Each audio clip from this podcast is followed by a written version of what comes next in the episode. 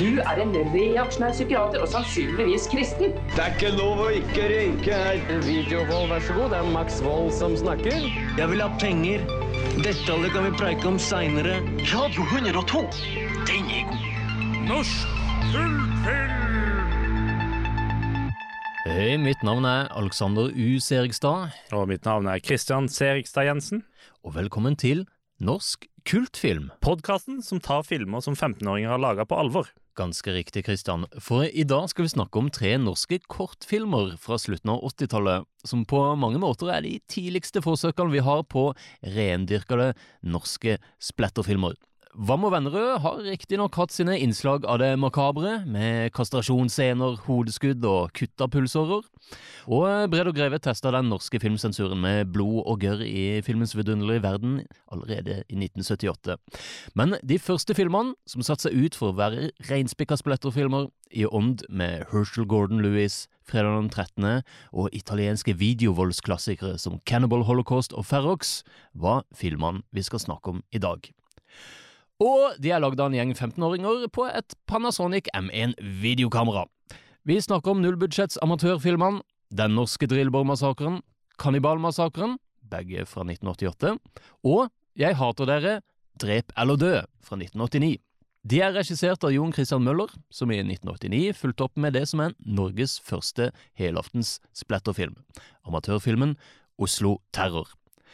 Oslo Terror skal vi snakke om i neste episode, før vi til slutt følger opp med et eksklusivt intervju med en person som Jeg vet ikke, skal vi, skal vi vente med å avsløre det, eller? Jeg må holde folk litt på pinebenken. Ja, skal vi ikke det? Dra det ut litt ekstra. Ikke sant, ikke sant. Men vi skal intervjue en person som har hatt noe med disse filmene å gjøre. Og du kan si eh, regissør Jon Christian Møller, altså ryktene sier jo at han ble politibetjent og politietterforsker, og ikke vil ha noe med filmene å gjøre, og vil ikke snakke om filmene eller noen ting, så det må vel være noen andre vi har fått tak i. Hmm. Men eh, siden du nevnte det med at dette er den første splatterfilmene Mm. så, Sånn som Skogvokteren 4, når er den fra? Den er fra sånn 97. Å ja, oh, ja, ok, Mm. greit. Ja. Det er ikke så mye av det her eh, som finnes i Norge, og da må vi jo snakke om de som faktisk eh, var først ute. Og eh, vi må jo understreke at det her er jo skutt på video, amatørfilmer, lagd av en gjeng 15-åringer, og det ser ikke så ulikt ut det jeg sjøl lagde i den alderen. Og dette her er jo Det er jo filmer som også faktisk var Altså, de var gitt ut. Ja. Altså, du kunne få tak i kopier av dem. Ikke sant? Blant tapetradere ja. på 80-tallet kan du si at disse her eh, ble kopiert opp og bytta rundt. Og de er jo skutt på eh, et hjemmevideokamera, så det ser jo på en måte ut som eh, Det har jo samme look som typisk familiefilmer en er vant til å se liksom fra den tida. Da blir det jo mer sånn der gritty og ekte. Ja, du kan si det. Du kan si det. Og, men i USA på 80-tallet ble det jo også lagd flere lignende spletterfilmer som ble skutt på video på svært sparsommelig budsjett, deretter utgitt på video med drøye, nysgjerrighetsvekkende covere. Vi har jo Video Violence blant annet, og Cannibal Campout. Black Devil Doll. Ja, Black Devil Doll, ikke minst. Det er faktisk en lang rekke av disse filmene i utlandet, og jeg har tatt med meg en bok i dag, Christian. Og Og, det er Bleeding Skull. Bleeding Skull, ja. Ja. A 1990s Trash Horror Odyssey. Denne boka tar for seg en haug av skutt på videofilmer. Det er jo veldig, veldig kult. Ja, og Man eh, burde ha hatt en sånn bok bare for norske eh, amatørfilmer og sånt. Ikke sant? Men bare litt sånn innsalg på eh, Bleeding Skull her, da. En nydelig bok. Eh, bare lese litt av forordet her. To some, shot on video are dirty words. The average video cassette renter back in the day held shot on video, altså SOV, movies with the same disdain as a soap opera or cheap porn.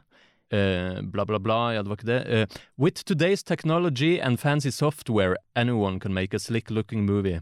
Back in the day, you had a limited number of cameras to choose from. You made do with what you had. It was tough, real tough. That's why so many SOV filmmakers never finished the race. Bare hoppe litt fram her. Nonetheless, in my book, anyone who set out to make a movie, shot on video or otherwise, and actually finished it and found distribution, deserves much credit despite the end result. Oh, and if you're here to dispute something shot on video as not being a legitimate movie, then fuck you! The same principles of production apply whether you shoot on 16 mm, 35 mm, or your fancy iPhone your parents bought you. End of discussion. Så de er ganske seriøse med kjærligheten til skutt på video-spillefilmer, disse her. Det er jo som eh, Apropos shot on video, da, så er det jo sånn som Cinema Snob. Ja. Han eh, kalte det jo for shot on shitio. Shot on Shitio, ja, ikke sant? Som er, Altså Cinema Snob, han er YouTube-anmelderen som tar for seg ekstremt lavbudsjettsfilmer. så er han filma på dritt. Men ikke sant, og bare det at det er her utgitt en eh, nesten 300 sider lang eh, bok som i stor grad tar for seg skutt på video spillefilmer, altså kan de ta det på alvor, så må en nesten også ta disse norske splatterfilmene til Jon Christian Møller på alvor. Men det, men det var 90-tallsting? Eh, det, det er vel noe fra 80-tallet der også, ja. men veldig mye av det er fra 90-tallet. Ja, det er jo da det mest av det ble lettere å lage. Ikke sant. Men slutten av 80-tallet og tidlig 90-tall så har du jo veldig mange av den typen eh, Ja, Videokamera ble så lett tilgjengelig. Og Ikke sant. Bånda kosta ikke så mye. Nei, det De er har jo gått det. ned i pris og 8 mm-film, altså du har jo smalfilm som jeg tror de faktisk dukka opp på slutten av 30-tallet, faktisk. Men i hvert fall fra sånn 60-tallet ut så var det mer vanlig for folk å ha smalfilmkameraer og skyte ting på 8 mm. Men ikke sant, det var jo ofte uten lyd, og det var eh, og der var jo filmrullene mye dyrere ikke sant, enn en eh, videokassett. Og eh, altså, du hadde jo også fenomenet i Tyskland med filmer av Olaf Ittenbach og Andreas Schnaas. Altså Violent Shit i 1989 og The Burning Moon i 1992. Ja, og Prometheus, der Grafalen Engel. Ja, ikke minst. Det er en ganske heftig, gory eh, zombiefilm der. Er- Den og Burning Moon har jeg jo på Big Box VHS. Nice, nice. Crazy, eh, crazy splatterfilmer det der. Og det er vel i Prometheus det er zombier som blir knerta med tanks, blant annet. Så det går ganske Prøver å toppe Braindead og Peter Jackson i, i liter med gore, liksom. Men alle disse, til tross for lave budsjett, er jo nok et godt stykke mer profesjonelle enn filmene til Jon Christian Møller her. Og det bør også nevnes at i forkant at Møller lagde disse splatterfilmene, så lanserte han også Norges første reindyrka skrekkfilmfanzine, nemlig Videogore, som kom ut i fem numre. Og disse bladene er jo også samlerobjekter blant eh, skrekkfilmfans. Nummer én er vel den sjeldneste. Jeg tror ikke jeg har sett bilde av den engang. Det første nummeret. Ja, eh, jeg vet ikke om jeg har sett bilde. Jeg er litt usikker på om jeg har sett bilde av den. Det er veldig ofte på de norske skrekkfilmsidene på eh, Facebook, Hardcore Horror Norge blant annet, hvor eh, en gang iblant så dukker det opp bilder av disse Videogore-bladene. Er det noen som husker disse? Har, har noen de og de numrene, og, og så videre. Det kom i hvert fall fem numre. Men der skrev de jo om skrekkfilm, tok sjangeren på alvor, og hadde anmeldelser og artikler. Og eh, Møller hadde jo også med seg flere skribenter, så det er jo eh, ganske imponerende med tanke på at han var 15 år på den tida. Ja, Altså, Jon Christian Møller var jo sjøl redaktør og skribent, og i tillegg hadde han med seg skribenter som Frank Andreassen, Kurt Olav Helle, Tom Erik Kollåsæter, Jan Rune Brun og eh, sikkert flere. Var det morsomt navn, det? Det kan godt være at Jan Rune Brun kommer til å høre denne podcasten, så blir han sinna når du ler av ham.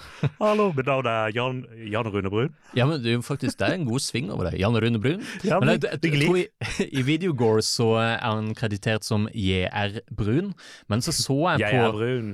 Jeg er brun, ja.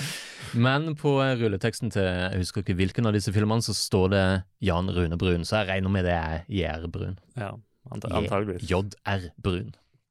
Og i tillegg fikk han spredd ord om bladet via annonser i Puls, Arbeiderbladet og til og med filmtidsskriftet Sett, hvor de skrev en slags sånn eh, anmeldelse av eh, Videogore.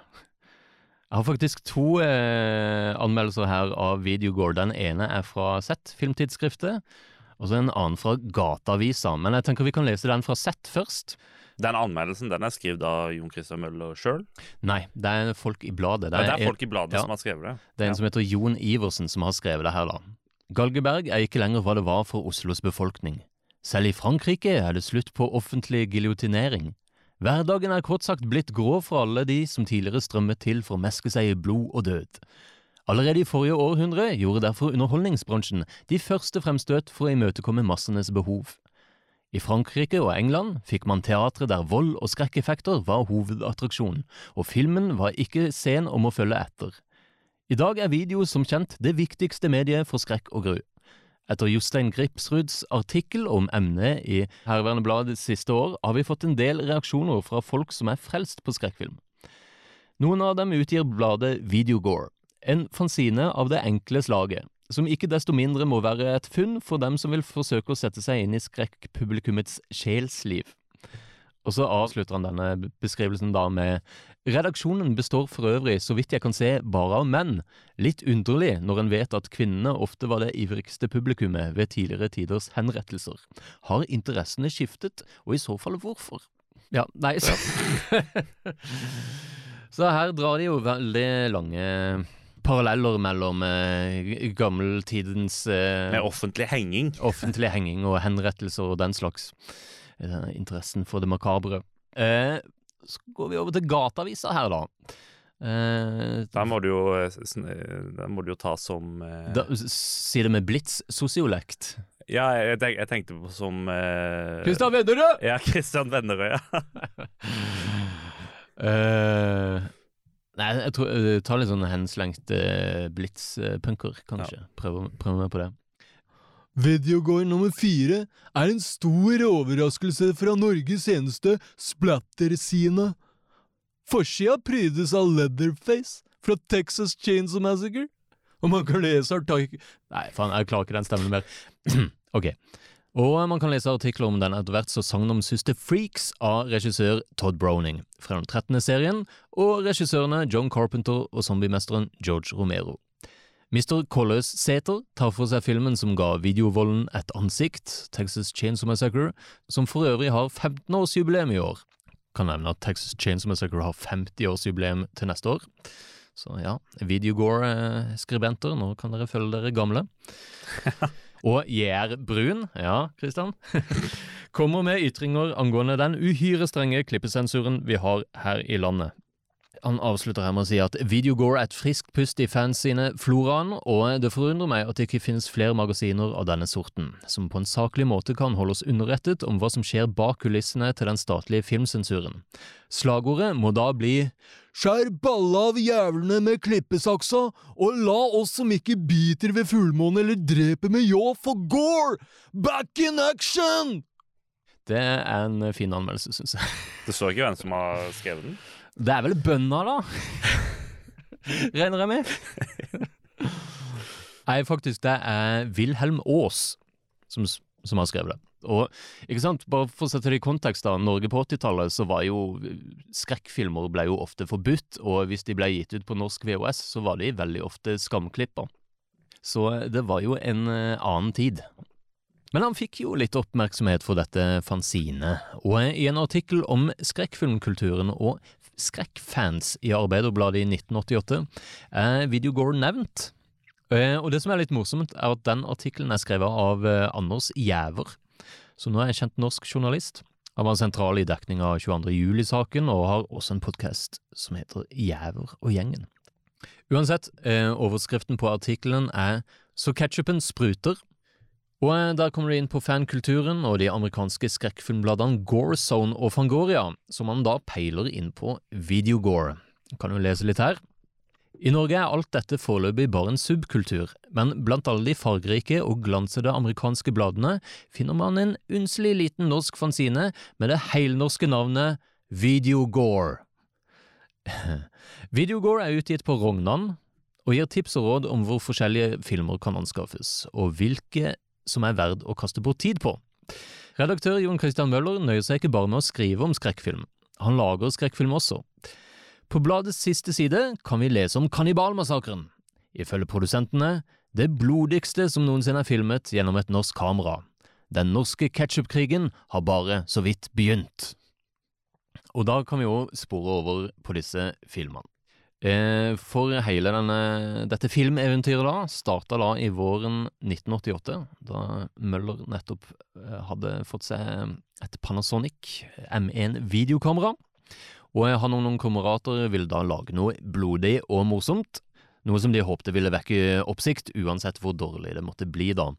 Og eh, Ifølge en gammel Videogore-artikkel da, så var den første filmen Møller lagde, en film på fem minutter med tittelen Zombien som hatet homoer. Ja. Den har vi ikke klart å spore opp, Nei, den, eh, den er vel ikke tilgjengelig noen steder. Nei, Eh, men hadde vært interessant å se. Ja, interessant å se. Altså ja, den tittelen er jo litt sånn eh, Man hadde ikke fått lov til å lage det nå. Men det er, betyr jo ikke nødvendigvis at filmen er noe ille. Nei, Sånn og det, det betyr ikke at det, er en homofob film for den saks skyld. Nei, Ja, for det er jo zombien som er slem og ond. Som Ja. I hvert fall, filmen er beskrevet som elendig fra begynnelse til slutt. Kort, dårlig filmet. Eh, men så bestemte han seg for å lage enda en film, og den har vi sett, og den skal vi snakke om nå, og den heter Den norske Drillborg-massakren. Den er 28 minutter lang, og fra 1988. Der hadde han og Øyvind Albinussen skrevet et flere sider langt manus. Utrolig nok. altså den har manus, ja. Eh, men eh, apropos manus, da. Hva handler egentlig den norske drillbåtmassakren om? Christian, det skal jeg forsøke å fortelle deg. Ja, det lover bra.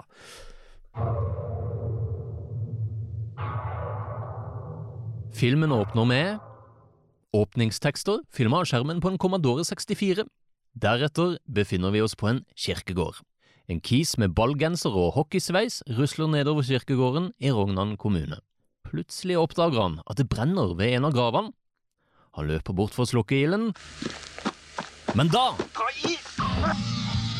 popper det opp en zombie fra en løvhaug, bevæpnet med en drill og iført en hvit maske. Han drilles i magen og dør. Like bortenfor finner vi en gjeng ungdom som sparker fotball. En av de har tatt litt for mye Møllers tran og sparker ballen inn i skogholtet. Han løper inn for å hente ballen, men der kommer han ikke langt, før zombie-driller-killeren angriper og driller han i ryggen og gafler i seg kjøtt fra såret hans. Deretter jakter han ned fotballaget én etter én. En drilles i fjeset. En annen drilles i skrittet. Og han i rød genser tror jeg overlevde. Og Kristian, en liten digresjon her, men har du noen gang funnet et pornoblad i skauen? Eh, ja. Jeg har funnet både pornoblad og bibel i skauen, faktisk. Begge deler? Lillesand? Ja. er det sånn at de ser i pornobladet, og så etterpå «Øy, Unnskyld Gud, jeg beklager, jeg, må, jeg skal lese noen sider i Bibelen, og så litt i pornobladet. Litt sånn der kompromiss der, kanskje. Ja, Mm. det Altså, ved eh, gamle barneskolen min fant vi stadig vekk pornoblad i skauen. Det er liksom et eh, klassisk eh, fenomen som kanskje ikke eksisterer lenger. Nei, det er nok ikke så vanlig nå lenger. Det er synd. Det er noe som har forsvunnet. Det bare bør starte en auksjon på å få legge ut pornoblad i skogen. Av ren nostalgi. Uansett, denne digresjonen var ikke helt uten grunn, for to av karakterene i neste scene har også funnet pornoblad i skauen. Og de sitter og drikker øl mens de nøysommelig leser et nummer av snuskebladet Ekspress, mest for menn. Heter bladet. Det har jeg ikke hørt om. Nei. Men den festen blir avbrutt kjapt, du, når eh, zombienes representant for Black and Decker dukker opp og driller den ene kidden i bakenden.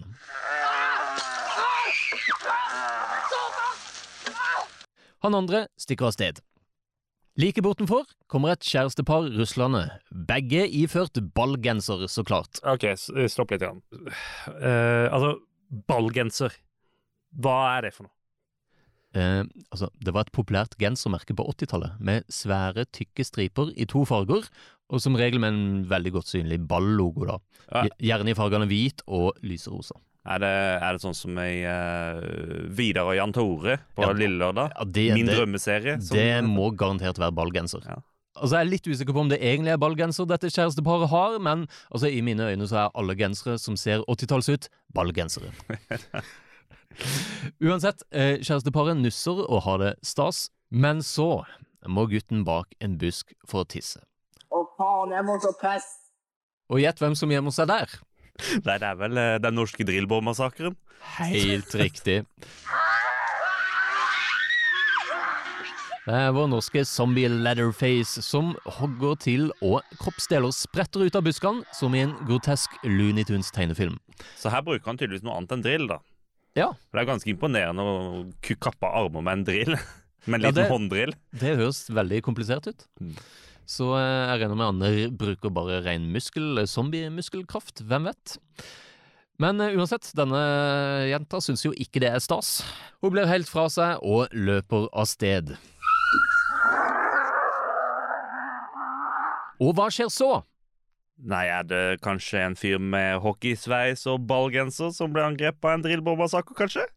Nei, faktisk ikke. For nå har jeg fått plottet en litt liten slags utvikling her, da. Ja. ja, stemmer det. Filmen har en plott, ja. Ja, ja, ja, for de har manus. Ja, det, det stemmer. Og en fyr med langt hår og caps unnslipper zombiemannen og oppsøker hjelp. For i Rognan er de så heldige at de har en zombieutrydder like nede i gata. Det er bra. Ja, Professor Dullshit. Og dette er ikke en gammel gråhåra gubbe med bustete hår og sirkelformede briller, nei. Dette er ei sprek ung dame som liker å smile brydd inn i kamera og sm Og småfnise mens hun fremfører replikker. Ja. Er ikke det ganske spot on? jo. Du må ha et våpen. Hvordan da? Hvordan våpen? Som vi Kom.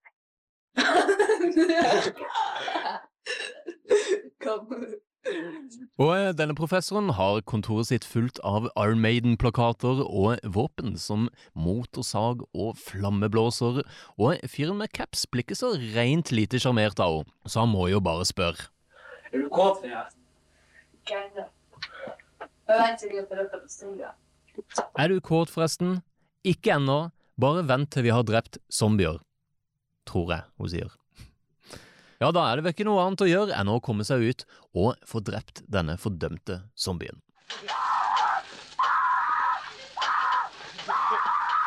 Yes, der har du basically plottet der. Kan si at filmen har en body count på elleve stykk.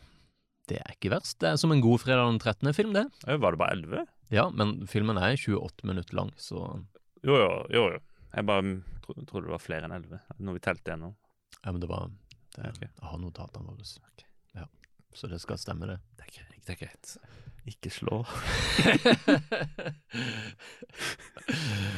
yes, den norske drillbårmassakren.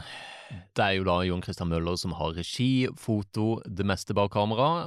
Spesialeffekter, sikkert. Men han har jo også med seg en liten cast her, da, som jeg regner med er kompisene hans. Erling Ramskjøl spiller jo da zombien. Han ser ut som en metal-kis. Har langt, krøllete hår. Og så har du Øyvind Albinussen, som spiller Fyllik nummer én, altså en av de som leser pornoblad i skauen. Og han eh, sto også for special effects her, som eh, visstnok hovedsakelig besto av ketsjup, konditorfarge, spagetti og kattemat. Har du noen gang brukt kattemat eh, når du har lagd splatterfilm? Eh, nei, men eh, ja, i, i filmen Lost the Movie så blir, bruker vi jo griseblod og rå koteletter. Ja. Så jeg tar eh, den ene skuespilleren og tygger i uh, rå koteletter. Det høres ikke så bra ut. Nei, det er egentlig ikke så, det ikke så, så bra. Men det skal da være For han er jo kannibal, han har jo drept de andre i, i filmen. Så, så det, det skal meningen at det skal være mennesker, da. Så det er rå kotelett. Ikke sant. Liten avsporing om eh, klassisk amatørfilmen Lost the Movie. Yes. Nei, jeg har jo sjøl brukt marsipan som zombiesminke i kortfilmen Den andre siden, og også sjokoladesaus som blod i noen eh, sort-hvitt skrekkfilmer.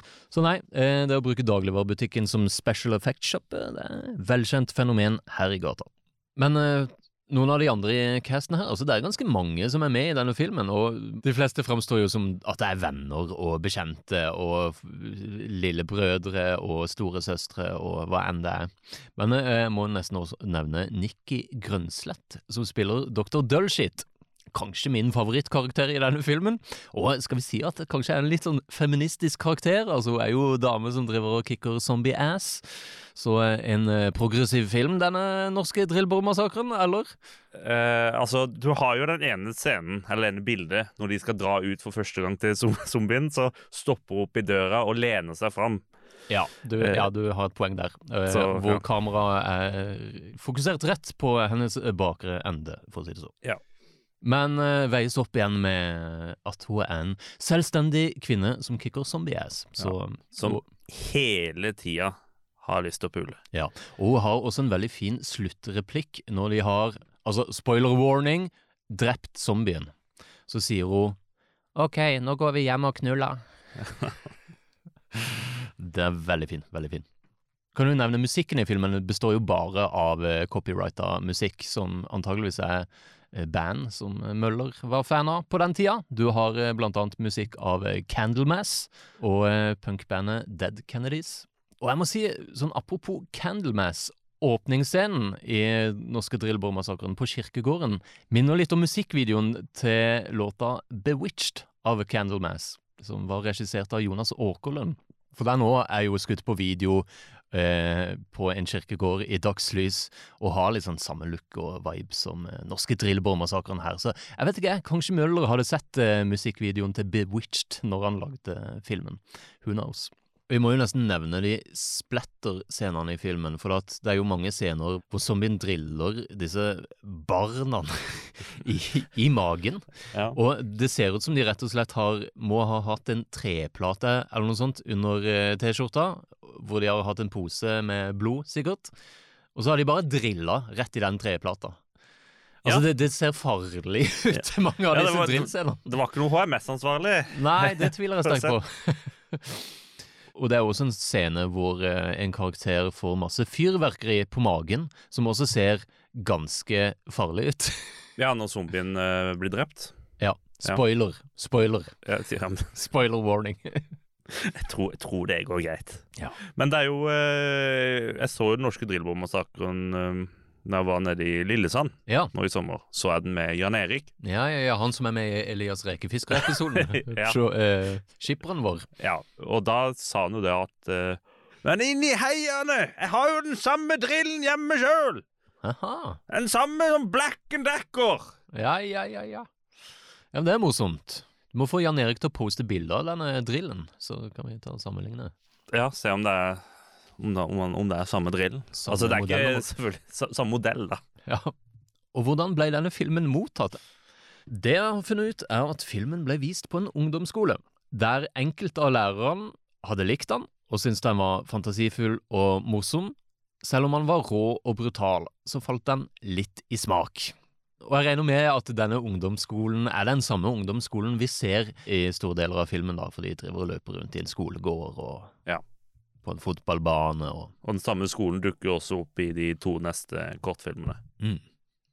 Dette var i Norge, da, men eh, filmen har faktisk fått et større liv på nett, under den engelske tittelen The Norwegian Drillbit Massacre. Og det ligger faktisk tre anmeldelser på Leatherboxed.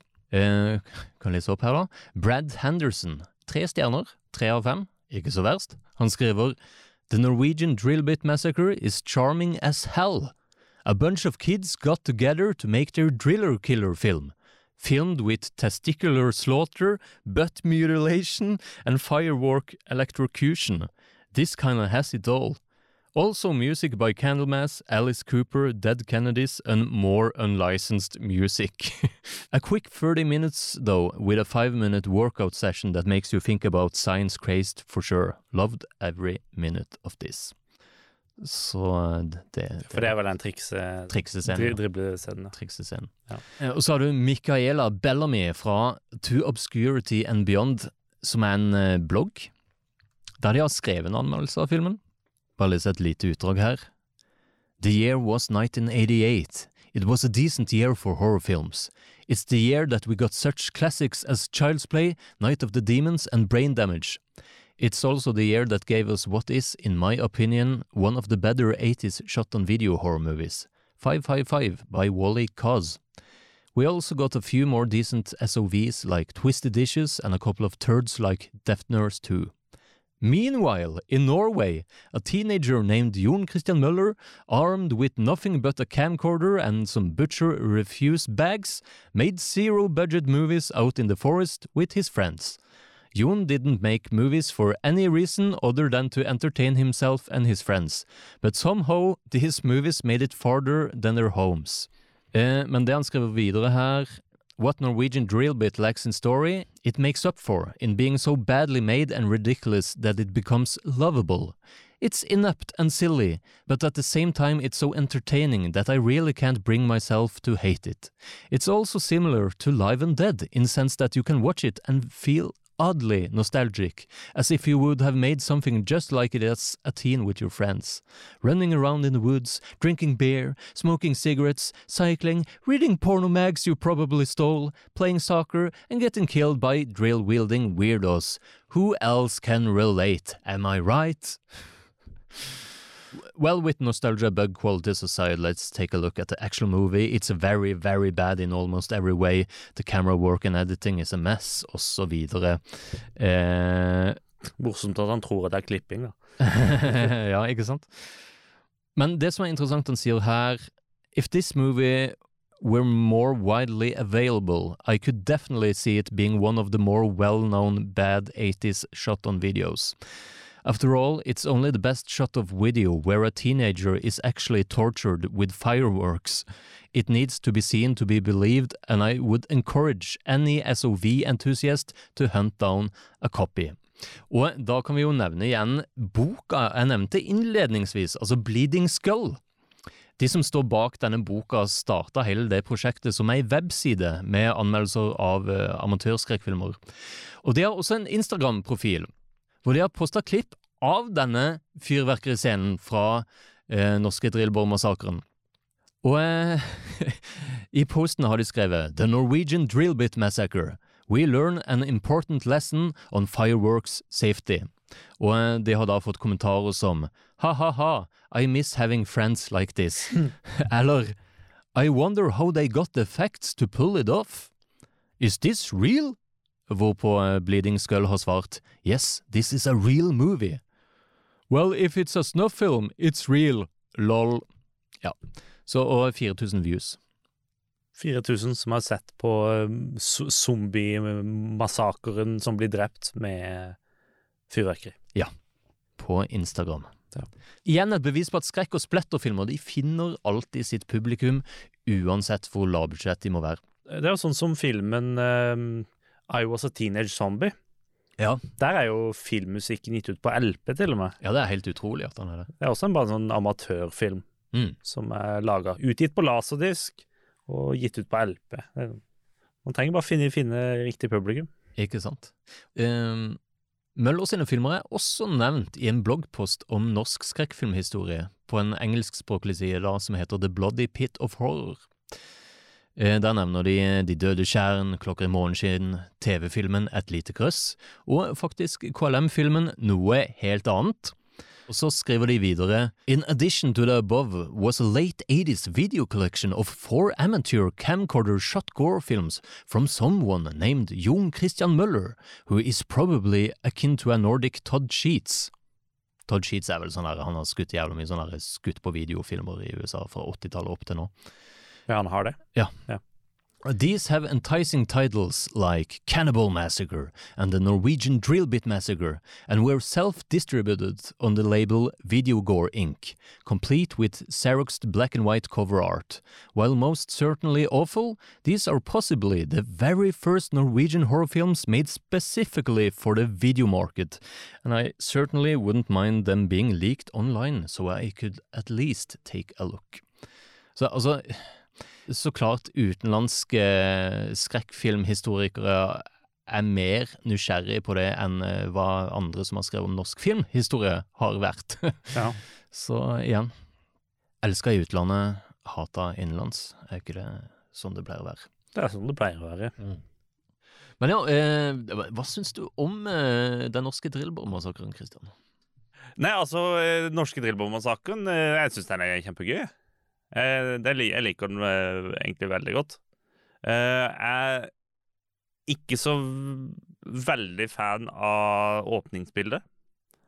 Når de driver og løper rundt på kirkegården. Hvorfor ikke det?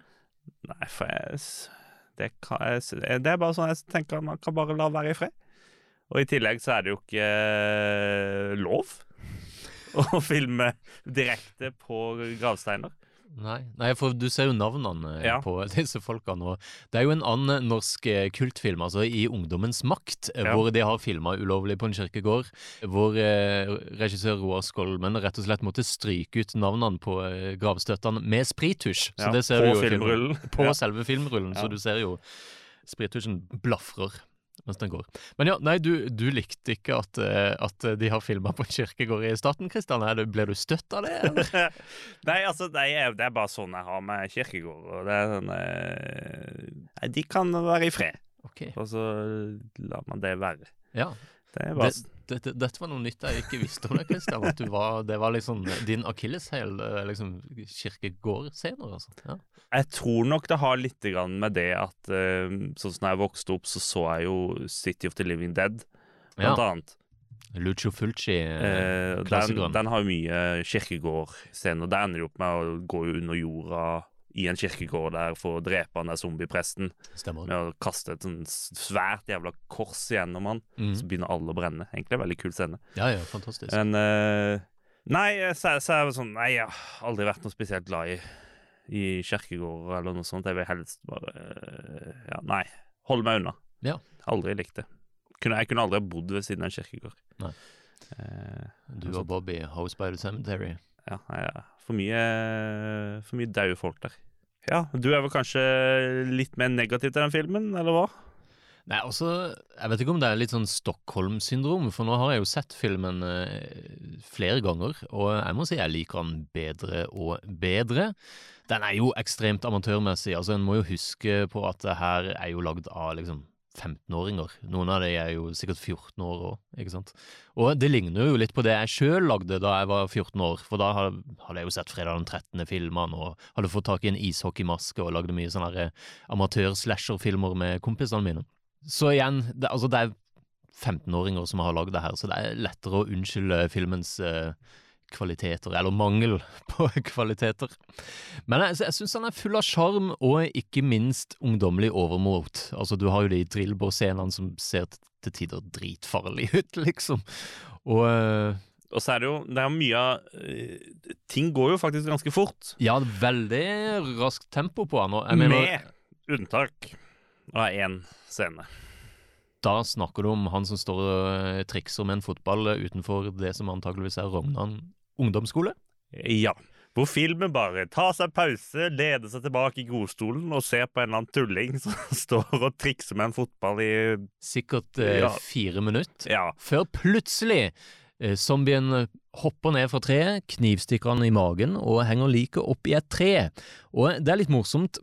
Denne ungen har jo på seg en parykk, og den faller jo av idet zombien hopper oppå han. Rene samuraikopp-øyeblikket, det der. ja. Det er det gøyeste med hele den scenen. Ja. Så der har jo Ja, for zombien er oppe i treet. Ja. Ja, så, han har, så zombien, da, som vi ikke har sett noe som helst på, på plutselig på fire minutter Ja, han er bare oppe i treet, han. OK, hvorfor er han oppe i treet? Jeg lurer på hva han gjorde de fire minuttene der. Bare satt der og kikka og fulgte med. Ja, bra triksing, bra triksing. Men nei, nå er det tid for drilling her. Ja. Så det er akkurat, akkurat det ene greiene der. Det er sånn der åh. Hver gang kom den bare sånn åh. Jeg ser at det på en måte er et slags forsøk på å bygge opp suspens, at ja, du blir så konsentrert med å følge med på denne her eh, triksinga at eh, det, du liksom skal skvette da når zombien plutselig kommer ned fra treet. Men eh, igjen, det, det, det er forsøk på noe, men funker ikke. Nei, det Så bra. funker absolutt ikke. Så ja, nei, norske Drillbår-massakren eh, Sjarmerende liten eh, film med høy bodycount. og kanskje en liten sånn åndelig lillebror til den norske Drillbår-massakren vil jeg kanskje si er Cæsar Ducasses Mørke sjeler, som jo har zombier som løper rundt med drill, og ikke minst, hva kalte de filmene i England? Jo, Zombie Driller Killer. Hva? Sa jeg noe feil? Nei, nei, nei. Jeg bare kom Når du bare sa tittelen, så forestilte jeg meg masse zombier som sjeler. Mørke sjeler. Zombier. Ja, de har ikke helt dybde. i dybdesyn.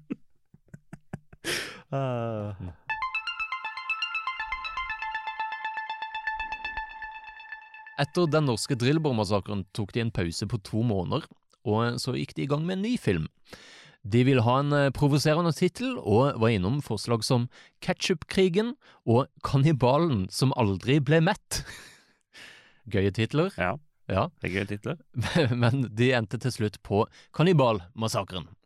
Og eh, Den ble filma uten manus, og det meste ble oppdikta underveis, ifølge en artikkel fra Videogore, da. Uten manus, ja. Mm. Ja, nei, da får du prøve å eh, fortelle oss hva den filmen handler om, da. Du, jeg skal gi deg et forsøk, Kristian. Vi befinner oss i ei mørk gate. Dun, dun, dun. En uteligger iført sort oljefrakk drikker fra en flaske med alkohol og graver etter mat i søpla. Like bortenfor blir ei jente overfalt av en banditt. Men så griper uteliggeren inn og skremmer av gårde voldtektsforbryteren. Litt av en helt.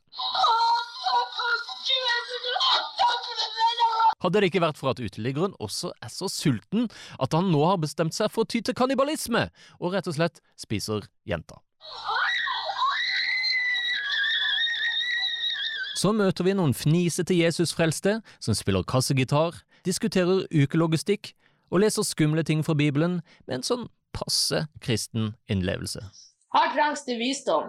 Den som har forstand, han får regne dyrets tall, for det er menneskets tall, og tallet for det er 666. Ok, da var vi ferdig med det kapitlet. Ja. Gud velsigne deg. Deretter følger det en rekke mørke scener med kannibalen. Altså Da mener jeg mørke som er at de du, du, du, du ser nesten ikke hva som skjer. og han figurerer litt som en slags antihelt, for det er vel det er veldig mye thugs, altså banditter og skurker i Rognan, som driver og angriper folk, raner de, kutter de i armen, og så, og så dukker denne kannibalen da opp og skyter skurken i magen og og, og spiser løs på innvollene og, og, og alt sånt da.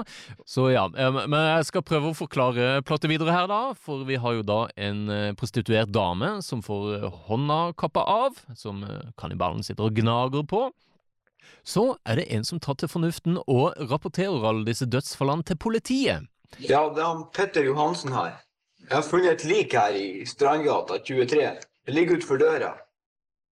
Jeg vil jo dere komme fort og sjekke opp det her. Men når eh, politiet kommer ned, så får eh, denne politibetjenten strupen kutta over og sine edle deler kutta av, som kannibalen sitter og gnager fornøyd på knasker og gnager.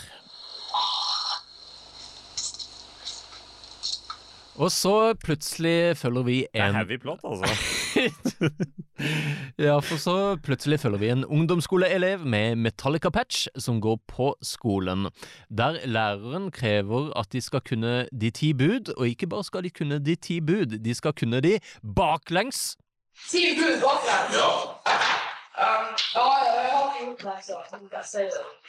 Litt virrete dette plottet, det er mange mørke scener, det er ikke alltid jeg skjønner helt hva som skjer, men det hele kulminerer i noe slåssing og stunts i en blokktrapp med disse ungdomsskoleelevene i kamp mot kannibalmannen, da. Hvem vil stå igjen levende til slutt?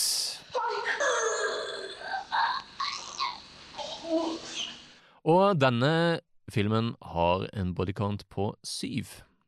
Altså mindre enn den norske Drillbår-massakren, men så er det også litt mer handling, på en måte, her. Er det det, egentlig?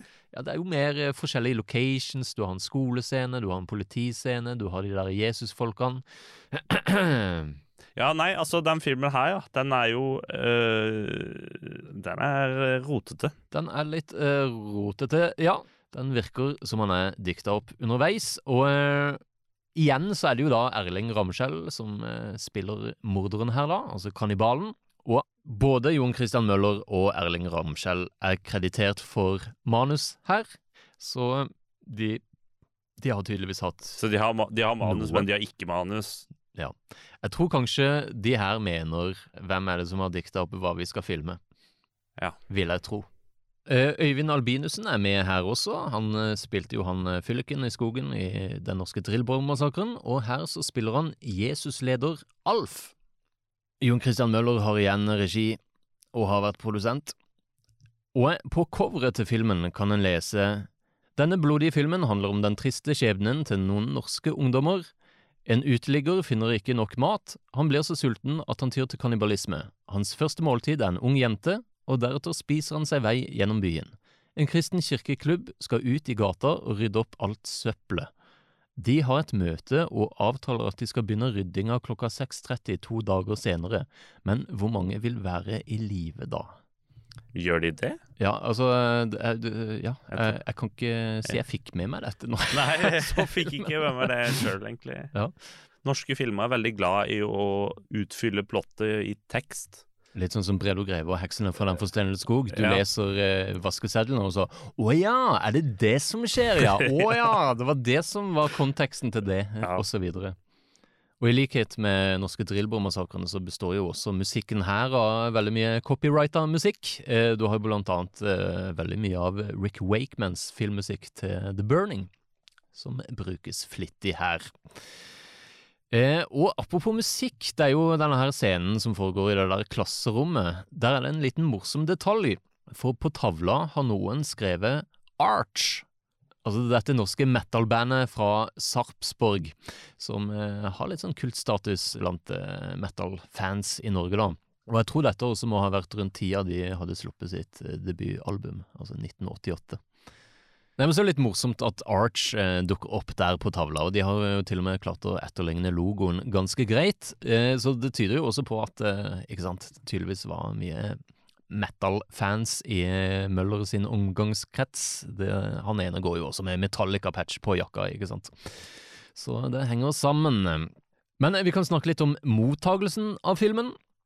Filmen skulle egentlig bli vist på den lokale fritidsklubben, men etter at styret i klubben hadde sett filmen, så var det ikke snakk om å vise han, da han var altfor brutal og pervers.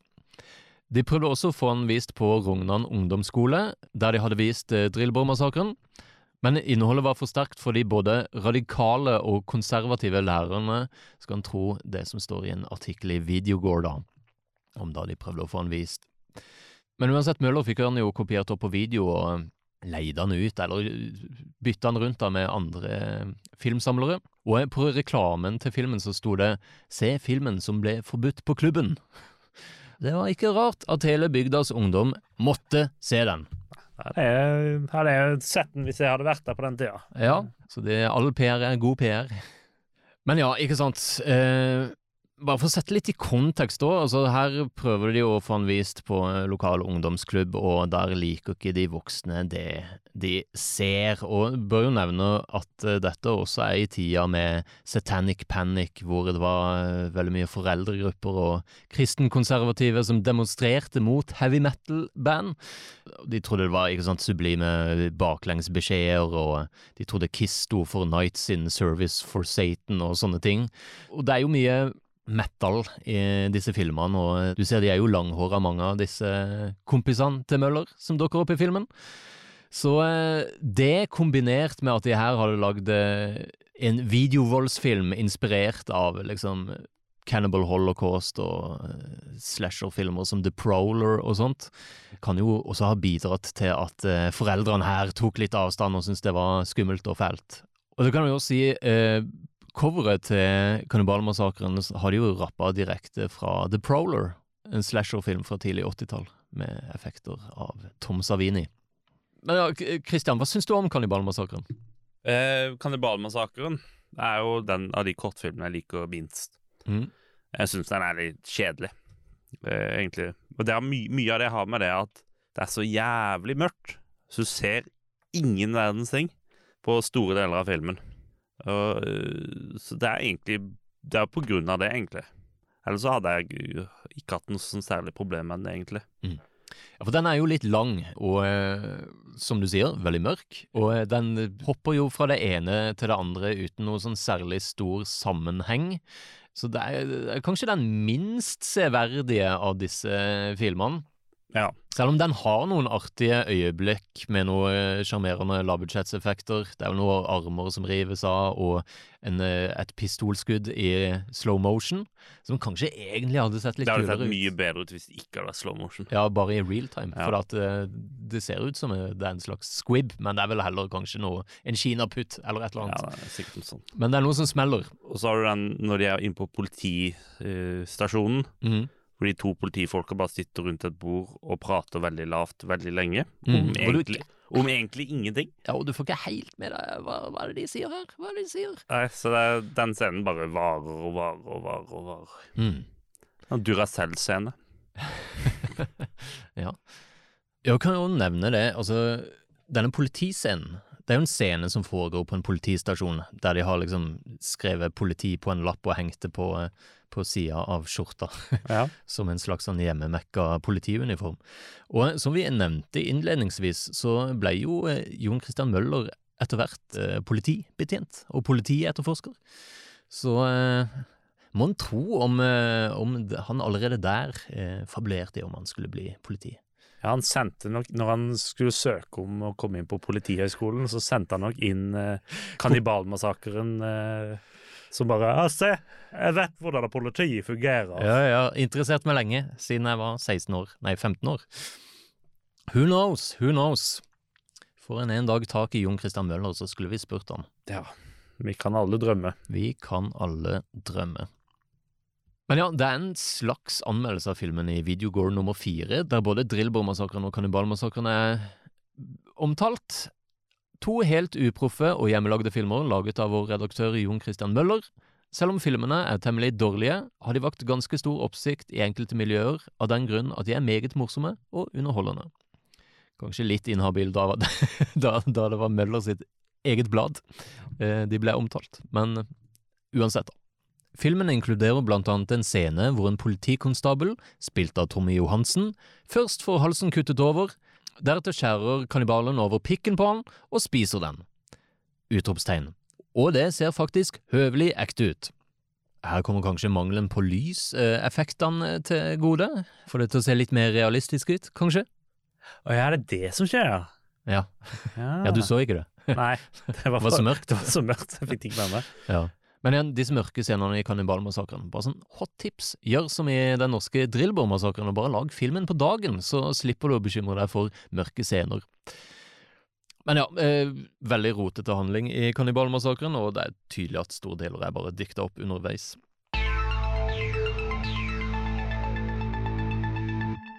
Men så, etter Kannibalmassakren, så skrev Møller et 50 sider langt manus til en film som skulle hete Til døden skiller oss ad. Filmen handler da om ei dame som ble slått og plaga hele dagen av sin alkoholiserte ektemann, og denne ektemannen var da spilt av Tommy Johansen, som er han samme som spilte politimannen i Kannibalmassakren, og Line Rød spilte den kvinnelige rollen. Det var et mer seriøst forsøk på å eh, lage en eh, mer seriøs film, da, med bedre handling, replikker og lyssetting, og eh, en teknisk bedre film, da, som han hadde ambisjoner om å lage her, da. Om han noensinne hadde blitt ferdig. I tillegg hadde de faktisk fått tak i et slags filmstudio til denne filmen, eh, og dette var da i en kjeller under en gammel bank, altså en nedlagt bank da, og eh, de hadde rigga opp et eh, fint lite filmstudio nedi der da. Men det hele stoppa jo opp da de ble kasta ut av en gammel, konservativ mann som dessverre eide bygningen. De likte vel ikke helt hva som ble lagd der. Og så gikk det prosjektet, det ble bare lagt på is. Ja, men, da er, men det virker jo som at de iallfall begynte å filme noe, da, så Ja. det kan hende det her eksisterer. Ja, det høres jo ut som de var i gang, liksom. Ja. Og om ikke, så bør jo dette manuset eksistere, i det minste. Ja. Dette 50 sider lange manuset. Det hadde jo vært veldig kult, det. Altså, selv om det er en uferdig film, Mm. eller bare et manus, så hadde det vært veldig gøy å faktisk sett dette her, da. Absolutt, absolutt. Om en hadde fått tak i Møller, da, men Ja. Det er lov å håpe. Hvis ikke så kan vi kanskje kan få tak i manusforfatteren. Som også er Jon Christian Møller. Ja. Ja, ja søren. Men uansett, eh, han ble sikkert skuffa av denne episoden, og tok en liten pause. Hvis det var på vinteren, så ble han snøskuffa. Og du er inne på noe, for neste film foregår om vinteren, Christian. og den heter Jeg hater dere, drep eller dø. Mange vil jo si at dette er Jon Christian Møllers eh, magnum opus. Ja, kanskje, for du ser det er litt utvikling her i denne filmen. Og, og så kan si, den er jo igjen da produsert av trekløvere Jon Christian Møller, Øyvind Albinussen og Erling Ramskjell, som han begge hadde med seg i de to forrige filmene. Og Jon Christian Møller er jo her kreditert med både lys, lyd, manus, regi, foto, produsent og makeup-effekter. Jeg vil også bare virkelig påpeke lys. Ja, her er det faktisk lyssatt. Her er det lyssatt, i motsetning til den forrige filmen. Og dette er også den første der de hadde bedre redigeringsmuligheter. Og han som redigerte filmen, var jo da Frank Andreassen, som eh, er jo da en av skribentene i Videogore, som vi nevnte tidligere. Men Alexander, Mm. hva handler egentlig filmen 'Jeg hater dere, drep eller dø' om? Du, det, det, det kan jeg fortelle deg. Ok, anslag. Klassisk mobbescene. Gutt ble banka i snøen av fire gutter. De dytter han, sparker han og kaster et egg i hodet.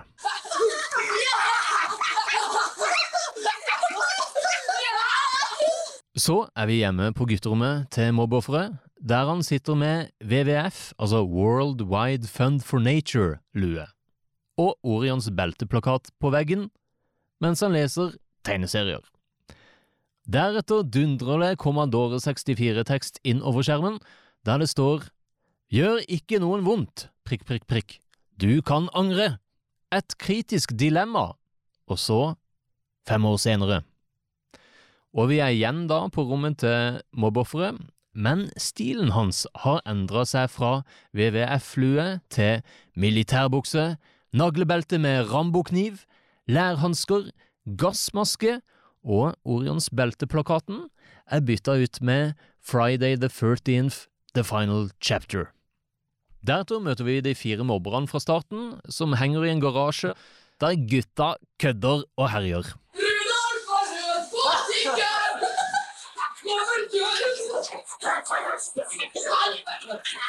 Gutta kødder, gutta herjer, er høy guttastemning.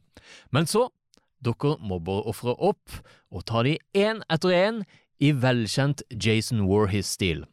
Vi snakker drill i magen, kantklipper i fjeset, strupekutt og fall fra taket på Rognan ungdomsskole. Å ja, er det bare de fire som blir drept i filmen? Ja da, den er 14 minutter lang, vet du. Det er, det er Det er en hvert tredje minutt, da, cirka. Jo jo, men altså, ja, filmen går jo så fort. Den Eh, går fort. Mange vil jo si at det faktisk er fem stykker som blir drept, da, fordi at han eh, Altså hele personligheten hans blir jo drept i starten. Det er sant. Når de kaster egg i trynet på han, Ja. og, og Og ja, han totalt forandrer seg, blir en helt, helt annen person etter fem år. Det er sant, Christian. Ja. For dette er en film som tar mobbing på ramme alvor. Eller ja, på en måte på en Ja, men sånn, som på en måte forsøker litt det, da, kan du si. Men eh, gjort med en litt sånn slasher-inspirert stil, da. For det, det føles litt som de har sett fredag den 13. her. Eh, den har jo eh, undertittelen Drep eller dø, som også var taglinen til fredag den 13. 6, altså Jason Lives. Kill or be killed. Ah. Og eh, han har jo en fredag den 13. plakat på rommet her, riktignok fireren, som liksom skulle være the final chapter. Så eh, ja, det føles som en sånn eh, Rambo, blanding av Rambo og Jason, dette her mobbeofferet. Casten er jo ikke så svær her, så kan du like gjerne bare nevne alle sammen. Erling Ramskjell spiller Erling. Øyvind Holte spiller Øyvind. Kåre Ramskjell spiller Kåre. Geir Testad spiller Geir. Og Øyvind Albinussen spiller Alf. Han gadd ikke hete det samme navnet. Nei, ja. Øyvind Albinussen Karakteren hans heter jo også Alf i Kannibalmassakren. Han gjør det? Ja, der spiller han jo Jesus-leder Alf. Så han likte det karakternavnet. Eller er det samme karakter? Er det samme Er det det Jon Christian Møller Universe? Ja, i, i Møller-universet så er rett og slett Alf den gjengående karakter. Ja. For jeg kan ikke huske om han dør i Kannibalmassakren. Jeg, jeg, jeg klarer ikke Jeg klarer ikke helt skille disse ungene, for å være helt ærlig. Nei, de, er- de er litt like, og Ja. litt unge. Ja, det var han ene med hockeysveis og ballgenser, og så var det han andre med hockeysveis og ballgenser, og så var det han tredje med hockeysveis og ballgenser. Så ja. Og Det som er litt morsomt, på rulletekstene her så står det jo 'Takk til Philip Øgård'. Altså fotografen bak filmer som 'Hotell St. Pauli' og 1732 Høtten, ikke minst. Ja. Som vi skal ha livepodkast om på Ramaskrik. Ja. Ja, så kom og, kom og hør. Vi skal ha live intervju med Karin Julesrud, regissøren av 1732-høtten, så det blir gøy. Men eh, 1732-høtten er jo da fotografert av Philip Øgård, som Møller takker her på rulleteksten til 'Jeg hater dere, drep eller dø'. Så jeg lurer på om han kan han ha vært inspirert? Ja, det er litt sånn tilfeldige ting å ha. Ja, for det er liksom ikke nevnt noen andre fra norsk filmbransje før plutselig liksom Philip Øgård. Jeg, jeg ser for meg at Hotell St. Pauli sikkert var en uh, inspirasjon. Der er det jo en ganske brutal kastrasjonsscene. Som vi Ja. både har i Kannibalmassakren Ja, de, er- de er ja. glad i det der, altså. Ja, og også i den neste filmen, da, 'Oslo Terror', er det også en kastrasjonsscene. Ja. Men ja, dette var jo også en av de filmene som kunne bestilles fra Videogore-bladet, hvor det sto 'Send opptakskassett og legg ved frimerker for svarporto', 15 kroner, og du får gratis kopier av samtlige filmer. Altså da Drillbår-massakren og Kannibalmassakren i tillegg, da. Eller skaff deg et videokamera og film selv. Det er slik mange av de store har begynt. Send dine egne filmer til Videogore, og vi kan anmelde dem om du vil, uansett hvor dårlig det skulle være. Og da er jeg spent, jeg lurer på om Videogården noensinne fikk inn noen amatørfilmer. Hvilket nummer var det de skrev her i? Eh, dette må vel ha vært nummer fire. Ja, så da er du i så fall da i nummer fem. Enten så er det noen anmeldelser der, eller så er det ikke. Mm. Eh, da, egentlig. Jeg har jo ikke disse Videogirl-numrene sjøl, vet du, men jeg, har jo, jeg kjenner jo folk som har de, så jeg har jo fått de til å ta bilder og, og sende over. Det er jo sånn jeg har fått tilgang på de. Det er sikkert noen amatørfilmer rundt der som, er, som ingen vet om. Det må det finnes. Ja, ja. Og, og Det sånn som- vet dere, altså dere lyttere, vet dere om noen, så si fra, liksom. Ja, altså bare på toppen av huet mitt så kan jeg tenke på filmen heter Lost to Movie, for eksempel. ja, mer om den i Kristians filmsamling-episode. Ja. Eller litt eh, for noen minutter siden, når vi snakker om Ja, eh, dagligvare special effects. Ja. Men ja, altså tilbake til Jeg hater dere, drep eller dø her, da. Eh, hva, hva syns du om filmen? Nei, altså eh, Av de tre vi har snakka om nå, så ligger den på en andreplass. Ikke sant? Eh, jeg, var litt overraska over at det var så få som faktisk ble drept i den, Mm. men det er vel fordi det går så fort. Og så er det det, ikke sant. Du kan faktisk se hva som skjer, Mm. eh, og ja, det er litt mer klipping. Akkurat det. Altså, generelt sett, bedre foto, ting er lysere. kamerautsnittene føles også mer gjennomtenkte.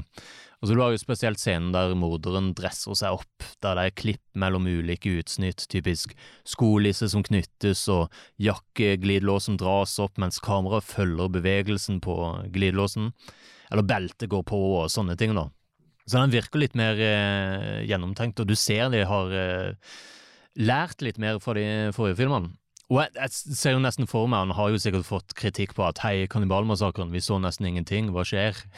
har, du tenkt på å kanskje lyssette det? Så, for du ser her er jo alt uh, godt lyssatt. Jeg vil også si at uh, av de tre kortfilmene her, så eh, liker jeg den norske Drillbår-massakren best, med denne her på en uh, grei andreplass. Så, så jeg er enig med deg der, Kristian. Men ja, hater dere Drep eller dø? Kjapp, enkel film den teknisk beste til nå. Men etter Jeg hater dere, drep eller dø, så tok Jon Christian Møller steget videre og lagde det som kanskje per definisjon er Norges første helaftens splatterfilm, nemlig Oslo Terror. Som igjen er en amatørfilm, da. Men spillelengde Det er han. 93 minutter lang. 1 time og 33. Og eh, den skal vi snakke om i neste episode. Ja, du får, får ikke den på denne episoden, nei. Nei da, dere må vente. Og etter neste episode igjen, så skal vi som sagt intervjue en person som har hatt noe med disse filmene å gjøre. Men hvem, det skal vi ikke avsløre riktig ennå. Inntil neste gang, mitt navn er Alexander U. Serigstad. Og mitt navn er Christian Serigstad Jensen. Vignettmusikken var av Ivar Nikolai Falle, og vår grafiske designer er Stian André Sakariassen Olsen. Og vi høres På Locationsgata i Rognan. One day. One day. Ja, men du, det må vi faktisk gjøre. Altså, Rognan ungdomsskole vet vi jo. Den, den er Ja, den er- Så er det jo ja, Boliggata i Norske Trillbårmassakren, og ikke minst kirkegården. Eller, øh, hvis du tør, Kristian,